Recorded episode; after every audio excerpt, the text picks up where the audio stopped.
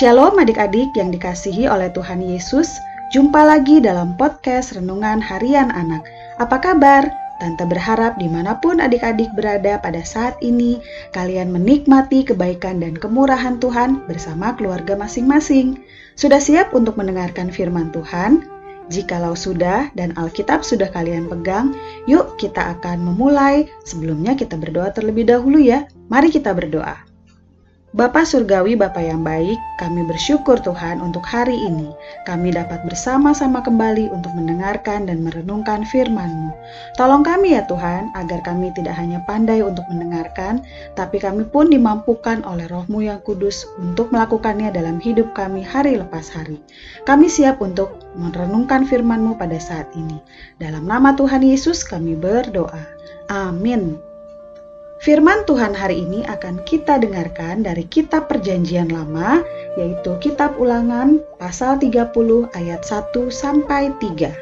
Ulangan 30 ayat 1 sampai 3, Tante akan menuturkannya untuk kita semua.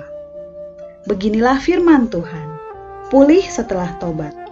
Maka apabila segala hal ini berlaku atasmu, yakni berkat dan kutuk yang telah kuperhadapkan kepadamu itu, dan engkau menjadi sadar dalam hatimu di tengah-tengah segala bangsa, ke mana Tuhan Allahmu menghalau engkau, dan apabila engkau berbalik kepada Tuhan Allahmu dan mendengarkan suaranya sesuai dengan segala yang kuperintahkan kepadamu pada hari ini, baik engkau maupun anak-anakmu dengan segenap hatimu dan dengan segenap jiwamu, maka Tuhan Allahmu akan memulihkan keadaanmu dan akan menyayangi engkau ia akan mengumpulkan engkau kembali dari segala bangsa ke mana Tuhan Allahmu telah menyerahkan engkau. Demikianlah firman Tuhan.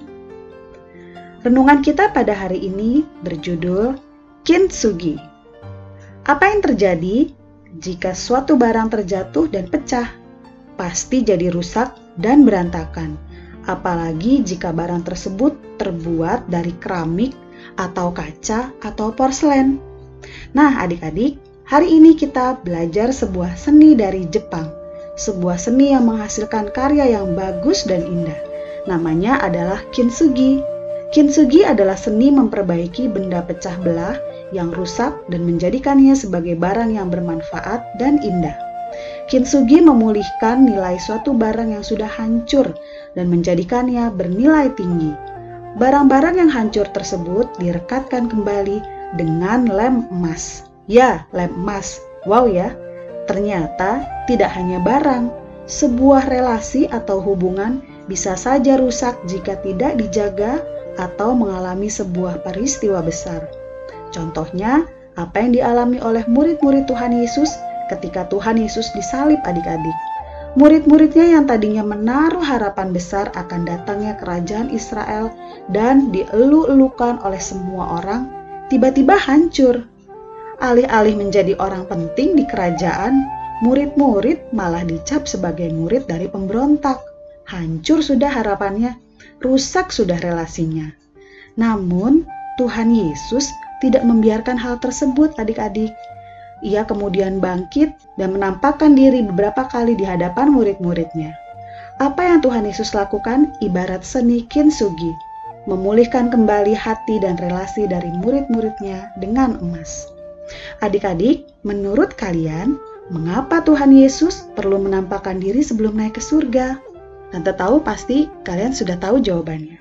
Satu lagi, bandingkan apa yang dilakukan Simon Petrus dalam Yohanes 18 ayat 21 sampai 27 dan Yohanes 21 ayat 7. Kalian cek ya di Alkitab kalian. Setelah kita mendengarkan renungan hari ini, kita bersama-sama mau katakan ya adik-adik bahwa aku tahu Tuhan memulihkan iman percaya para murid dan juga aku. Kita ulangi ya. Aku tahu Tuhan memulihkan iman percaya para murid dan aku. Mari kita berdoa. Bapa di surga, bimbing dan tuntun kami agar kami mampu untuk menjalankan tugas panggilan kami yang daripadamu. Tolong kami untuk mempunyai iman percaya yang kuat dan tidak mudah goyah. Terima kasih ya Tuhan, hanya dalam nama Tuhan Yesus kami berdoa. Amin. renungan kita sudah selesai. Sampai besok lagi ya. Tuhan Yesus memberkati.